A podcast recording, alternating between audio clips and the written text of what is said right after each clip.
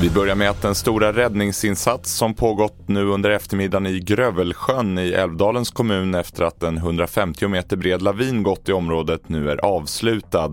Lavinen är genomsökt och det visade sig att inga människor drabbades. Kompetensflykt i kombination med sanktioner som stoppar import av teknik och nyckelkomponenter från väst slår hårt mot Ryssland. Landets BNP väntas sjunka med 15 procent i år och allt fler forskare och annan toppkompetens utvandrar.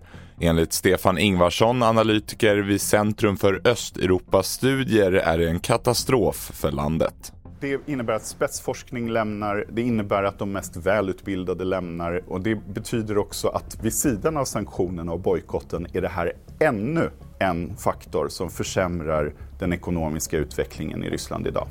På sikt är det ju en katastrof för Ryssland att förlora sina mest välutbildade unga människor. Slutligen om att hela tre svenska filmer tävlar under årets filmfestival i Cannes.